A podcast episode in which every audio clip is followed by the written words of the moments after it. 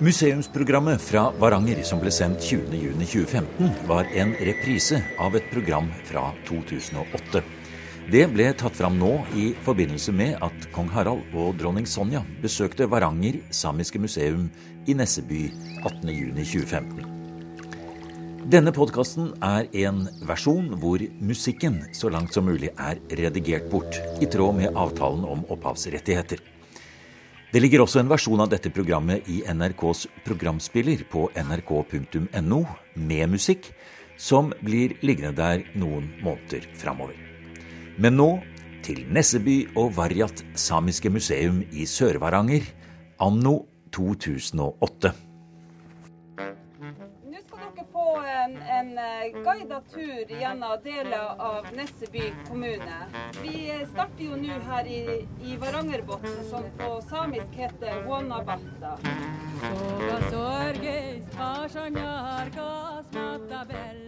Fra generasjon til generasjon har det i uminnelige tider vært fortalt historier om våre forfedre, synger Ann Jorid Henriksen i sin tolkning av en joik Mattis Iversen fra Barsnes i Nesseby laget i 1910. Da var det nettopp funnet en samisk grav i en fjellkløft i Ulvelia. Og i joiken fortelles det om de tingene som ble funnet sammen med skjelettrestene i denne graven. Stolte og lange samiske tradisjoner.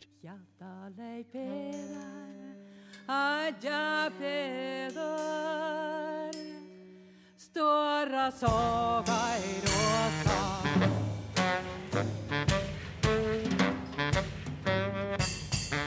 Vi har levende tradisjoner knytta til det her med offersteder, hellige steder, sagn, godfitta, tjokkat.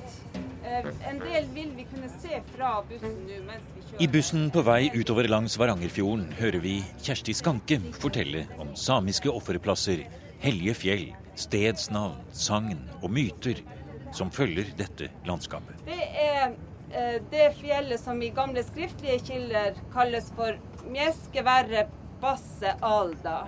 Nå kalt for Aldatjokka, eller Aldon på norsk har det fått navnet. Det navnet er beskrevet i eh, tidlige 1700-tallskilder. Isak Olsen, som var virka her som misjonær, han eh, beskriver det. Og han sto også for det å få tatt litt av makta fra det fjellet ved at han fikk eh, puffa ned en eh, seidestein, en offerstein som lå oppå fjellet, ned.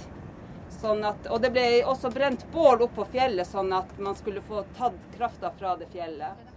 Samisk tro i førkristen tid, brytningen mellom gammel og ny tro, og ikke minst gammel tro i ny tid, var blant temaene museet tok opp på et stort seminar hvor det kom forskere fra Stockholm, Umeå, Bergen, Oslo og Tromsø. I tillegg til lokale tradisjonsbærere i den samiske bygda Nesseby. Nå er hele seminaret samlet på bussen utover til den samiske ofreplassen på Mortensnes. Og vi skal videre til Klubbnasen, et hellig fjell med gravplasser og et saivovann. Det er ikke alltid så lett å si eksakt hva som er hva, når temaet er mytologi, tradisjon og tro. Særlig når dette har utviklet seg i et møte mellom den norske og samiske kulturen. Men vi spurte antropolog Marit Myhrvold om hvordan sammenhengen er mellom samisk tro og norske begreper som hulder, som jo betyr skjult, og forestillingene om de underjordiske, slik vi kjenner dem fra norsk sangtradisjon. Vi har jo begreper for akkurat det samme fenomenet i samisk. Og det er mange samiske betegnelser for det som kalles for hulder, eller de underjordiske på norsk. Eh, I lulesamisk område så kalles de for ganji og gatnia. Og ellers lenger nord så er det Her i området er det godfittar. Men så har vi også eh, olta og haldi. Ja. Og selv om vi fikk et religionsskifte i de samiske områdene, at vi har det, så eh, var jo de underjordiske ikke noe som man slutta å tro på, for man erfarte de jo hele tida. Så de ble jo en veldig viktig del av virkeligheten. Og eh, da kristendommen eh, slo rot og de gamle gudene forsvant, så, eh, så, var jo ikke de underjordiske noen som man slutta å erfare. Og det ble viktig for folk at de også var en del av skapelsen, av virkeligheten. Så eh, det er ei fortelling som oftest kalles for Evas mange barn, som vi finner igjen i hele, i hvert fall i Nord-Europa, også i det samiske området. Og den forklarer de underjordiske plass i verden. Og den eh, sannsynliggjør eh, hvorfor vi har underjordiske i dag. Ja, få høre den historien. Ja. Jo, i en av versjonene, det finnes jo flere versjoner, men i en av versjonene så er det sånn at da Adam og Eva var i paradis, så hadde de mange unger. Og en dag så kommer Vår Herre uanmeldt på besøk. Og Eva hun rekker ikke å vaske alle ungene sine. Og så skjemtes hun over å vise Vår Herre de skjetne ungene, så hun husja de ned i ei grøft eller grop, og så la hun noe over. Så kom Vår Herre og hilste. og så sier han til Eva og dette er alle dine unger, og Eva svarer bekreftende dette er alle mine barn. Og da ser Vår Herre seg rundt, og så sier han det som er skjult for Gud, skal være skjult for menneskene. Og Adam og Eva så aldri mer sine, de ungene de hadde gjemt. Og de har vært skjult for menneskene ifra Adam og Evas tid. Og sånn har de underjordiske i en folkelig tradisjon fått plass i den kristne skapelsen. Eller den bibelske skapelsen, mener jeg. Og du går jo langt i å eh, på en måte dokumentere, og henvise til og fortelle om hvordan man ikke må begynne å skille mellom tro og overtro. Mellom noe som er riktig og noe som er galt. Ja, jeg er så heldig at jeg traff på en veldig eh, en, en, en dame som, som, var veldig pedagogisk i sin forklaring av den samiske virkelighetsforståelsen for meg. Hun tok utgangspunkt i ei eh, samisk tromme. Og, og på trommeskinnet på de samiske trommene så er jo hele det samiske kosmos eh, illustrert. Eh, og denne tromma er sånn konstruert at, at sentralt som, så er det et solsymbol, men atskilt fra det øvrige kosmos ligger gudene sin verden. Og hun fortalte meg at etter religionsskiftet så har de bare bytta ut den øverste guderekka. Hun mente altså det at den øvrige verden, den er, den er kontinuerlig til stede. Alt som finnes i verden. Og hun mente også å si det at det å være same, det har vi kontinuerlig vært. Og det er ikke noen motsetning mellom å være same og hvilken religion du har. Det, det hører i hop, dette her. Så Derfor så mener du at det er en, skal vi si, en folkereligiøsitet som er tatt opp faktisk i den måten samiske folk oppfatter kristendommen på også? Folk eh, brukte å si til meg at, at, det er jo ikke noe, det er ikke noe motsetning. De, de sier, det var en som fortalte meg at bare gudsordet dug.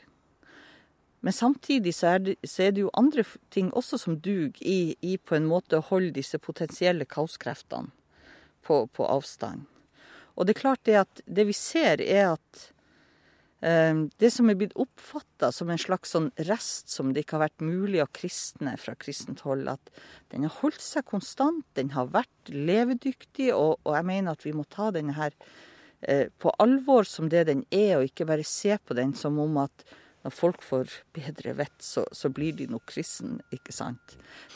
Eh, det er mange symboler, mange praksiser som er forlatt pga. et religionsskifte. Men det er også veldig mye som er kontinuerlig til stede. Og, og det er dette kontinuum som jeg mener som skaper mening og sammenheng i folks hverdag. Og det skal vi ikke kimse av. Altså. Det er viktig. Var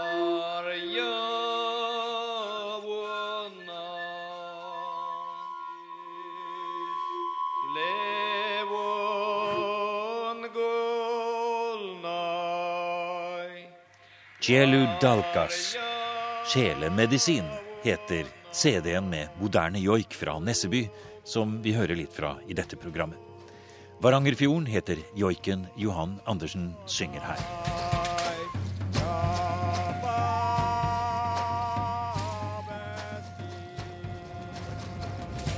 Og bussen stopper helt ute mot Varangerfjorden, ved Mortensnes hvor Kjersti Skanke tar oss med til en av de største av alle samiske gravplasser.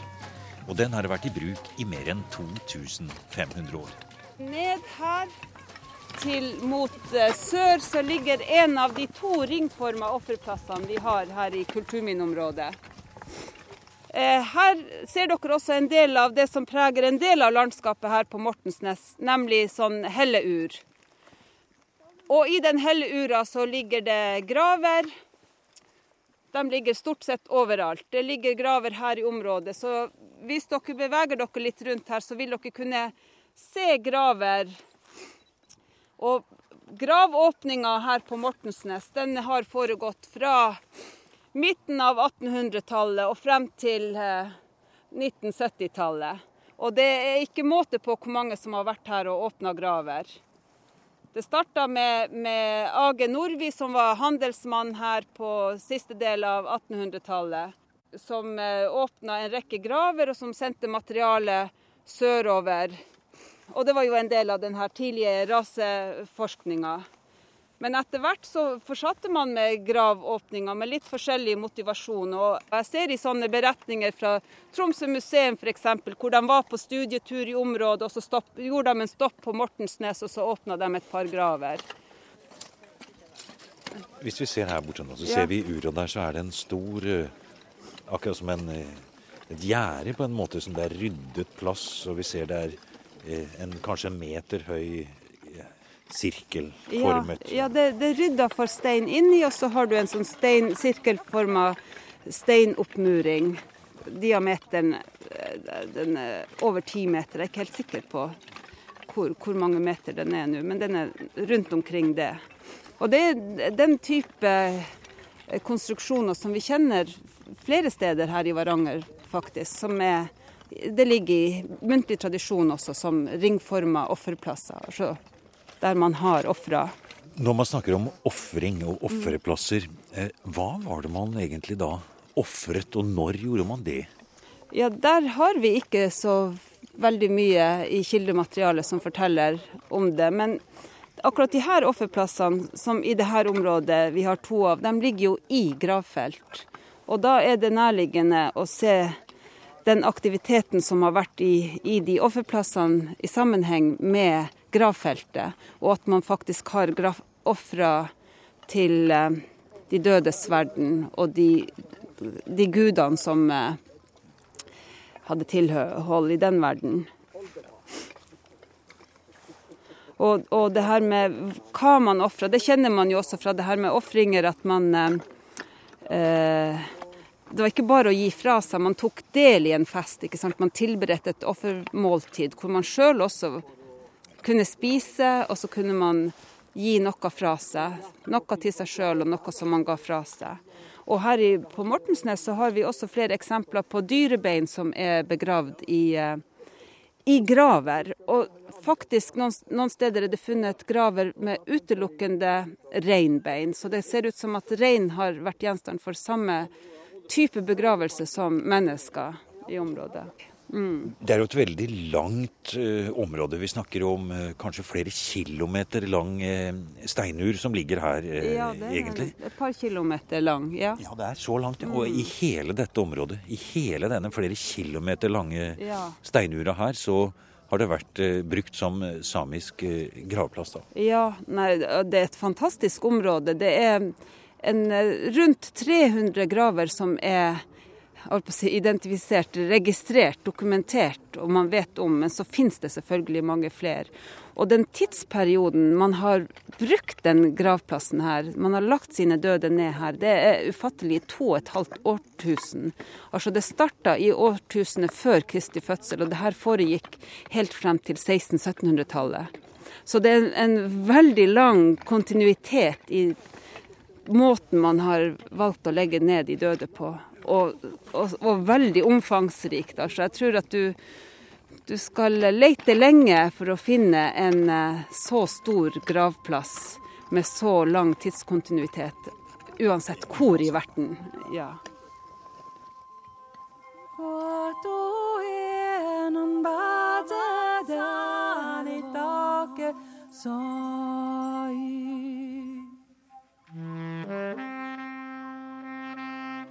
Jeg heter Åge Solbakk på norsk, og på samisk heter jeg Lemihonog. Åge Solbakk, eller Lemmion Åge fra Nesseby, er samisk historiker og har gitt ut en lang rekke bøker om samisk språk, historie og kultur. Blant annet Sápmi er lik sameland, som behandler samenes historie fram til 1751. Solbakk forteller om joikens betydning for nuaidene når de skulle kontakte de dødes verden for å søke råd. Seremoniene og skikkene noaidene brukte i gammel tid, ble bl.a. beskrevet av misjonæren Knut Lem i hans bok 'Finnmarkens lapper' fra 1767. Der beskriver han på grunnlag av hans egne kilder og andre misjonærers kilder, om hvordan eh, denne her Nueidien forberedte seg til denne seremonien. Den mannlige Nueidien. Og han hadde jo, før han da dukket ned i den såkalte eh, andre verdenen, eller da som det heter på eh, samisk Nubbiaimo, den andre himmelen. Og han, eh, han, har jo nedtegnet de her samiske begrepene som ble brukt av eh, de her noeidiene eh, på den tiden. Han var jo kledd i statsklær, og han hadde jo noen medhjelpere før han dukket ned. Og han har fått også nedtegnet, og noen andre misjonærer, de her begrepene. Dukke ned, tjanga litt. Og før han gjorde det, dukke ned i den andre verdenen for å hente råd av avdøde noeider eller slektninger om eh, sykdom. F.eks. hvis en, eh, en av eh, Sida-medlemmene var blitt syke, så var det jo viktig å, å kontakte de avdøde noeidene og få hjelp derifra. Eller at man ville stagge denne her eh, såkalte onde guddommen i dødsriket Jæpmjaim. Og joiken kommer vel eh, er viktig i, den forbindelse. Eh, så, så joiket ham før han dukket ned. Og når han skulle våkne til liv igjen, så var det da spesielt to kvinnelige eh, medhjelpere som joiket en sakte joik for å få han tilbake til liv igjen. Og Eh, han joiket selvfølgelig ikke når han dukket ned til, en, til dødsriket, til Jepmi Aimo, for å stagge dødsguden Rohto. Eh, og da var det iallfall viktig å bruke eh, de her sine til å hente informasjon om hva slags offer skulle da denne her dødsguddommen ha for at vedkommende skulle bli frisk, som da eh, hadde blitt veldig syk, og at Rohto, dødsguden, var årsaken til sykdommen.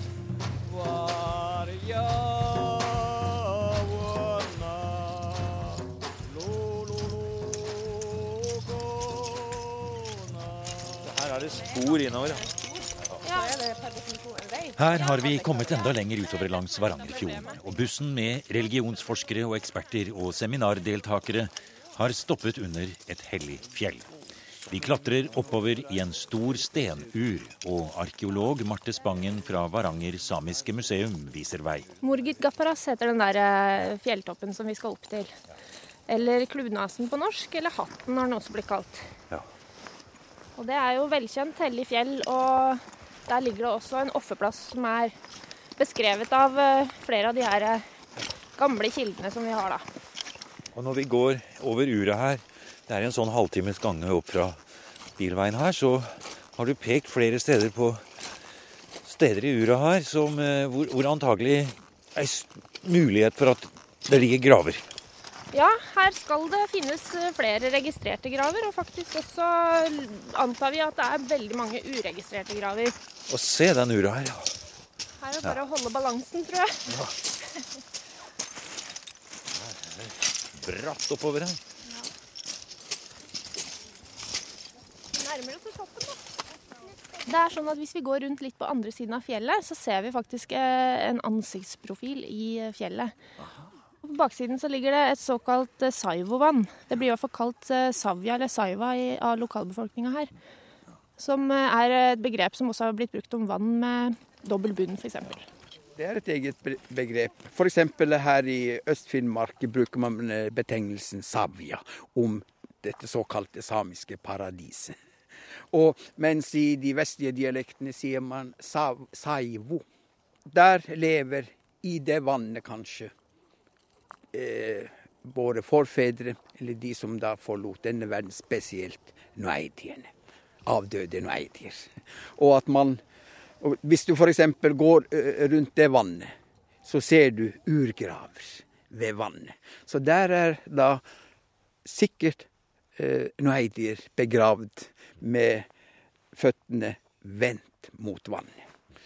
Men eh, de er uberørt, de her urgravene. Det har man ikke forska på. Det vil heller ikke nord, eh, lokalbefolkningen at det skal gjøres. Så de, de får ligge i fred. Ja. Vi får gå lenger oppover her nå, Det er et fantastisk utsyn når vi kommer opp på platået 50-60 meter over Varangerfjorden. Helt på toppen av Murgid, eller Klubbnasen som dette neset ut i Varangerfjorden heter. Det er i utsikt til de russiske blondene i øst. Fjell, fjord og hav så langt øyet rekker. Ja, det er jo det. Og det er jo, eh, som du sier, det er noe med utsynet her. Og det er også sånn at denne, denne plassen, denne eh, klubbnasen, eller gapra som det heter på samisk, den blir jo da omtalt i skriftlig kilde som en av de fornemste helligdommer blant samene. Så det, akkurat her vi står nå, har det vært et eh, ut ifra de skriftlige kildene da, en, en, en, av de viktigste offerplassene. Da kollektive offerplasser. Og, du, og du finner da graver rundt her. Arkeolog Asgeir Svestad har kommet opp langs en bratt rute som går forbi noen av de registrerte gravene. Den så ut som den var tømt, så den har vært utgravd. På et tidspunkt, og skjelettet fjerna. Du så jo åpninga. Vanligvis er de Hvis de ikke er fjerna, de som du ser, kan se gravkammeret så tydelig nedi så det der, så er det ganske klar indikasjon på at de har vært åpna. Stor sannsynlighet at det har skjedd fra midten av 1800-tallet og framover. Det var jo en handelsmann som ja, Han er Nordvi, ja. Nordvi, Age ja. Nordvi, som Som endte opp som vaktmester på Etnografisk museum i Oslo? Ja, han endte der oppe på slutten av 1870-tallet. Så fikk han tilbud om vaktmester etter at han da hadde gått konkurs. Og i, eh, for å berge seg økonomisk så begynte han etter hvert å selge hodeskaller. Og uh, solgte da for uh, salg til utlandet. Fikk ikke, han prøvde å selge det til Oldsakssamlingen i Oslo, men de syntes det var for dyrt. Han tok faktisk over 100 dollar per kranium, men fikk solgt det til utlandet, bl.a. Tyskland og, og andre, andre, land ja, over, over Atlanteren. Faktum var vel at denne Nordvi han hadde vel også en form for eh, tidlig arkeologisk utdannelse fra København? Han er faktisk da første, en av de første arkeologene i Norge som hadde da arkeologisk skolering. Han gikk da hos den, som da blir regna som ja, arkeologiens fader i Norden, i, eller ikke bare i Norden, men faktisk også i, i internasjonal sammenheng. En som heter Christian Jørgensen Thomsen, som da var med, og, og den, den, da som har fått æra av å etablere det første arkeologiske museet. Han gikk i læra, han var jo sjøllært. Han var en, handelsmann, han også. I utgangspunktet så var nok interessen relativt genuint arkeologisk. Men etter hvert så ble den da han kom i økonomisk uføre. Han overtok handelsstedet etter faren og klarte ikke å drive det, og var mer opptatt av det her vitenskapelig. Så, så ble da en måte å livberge seg på faktisk da å selge skjelettmateriale. Da. da primært var jo da krania. Og det var, det var det stor etterspørsel etter. På det, på det tidspunktet hvor man da virkelig hadde fått eh, Altså det med fysisk antropologi, det å forske på skjelettmateriale etter fortidige kulturer eller, eller, primitive kulturer, var det viktig vitenskap, faktisk.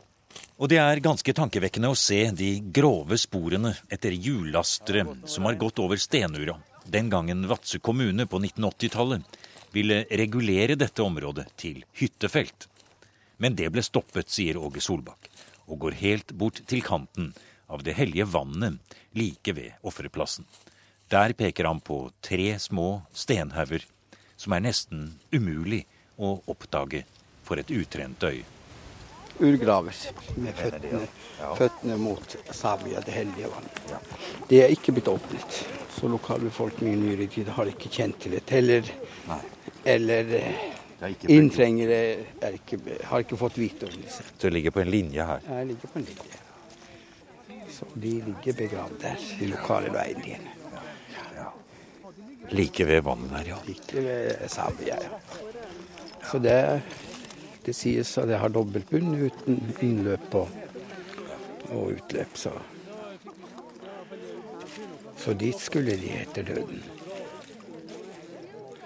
Det var bedre å være der enn på, på denne jord.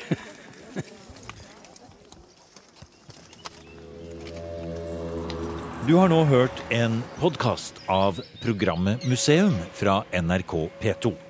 Send gjerne en e-post til museum krøllalfa nrk.no.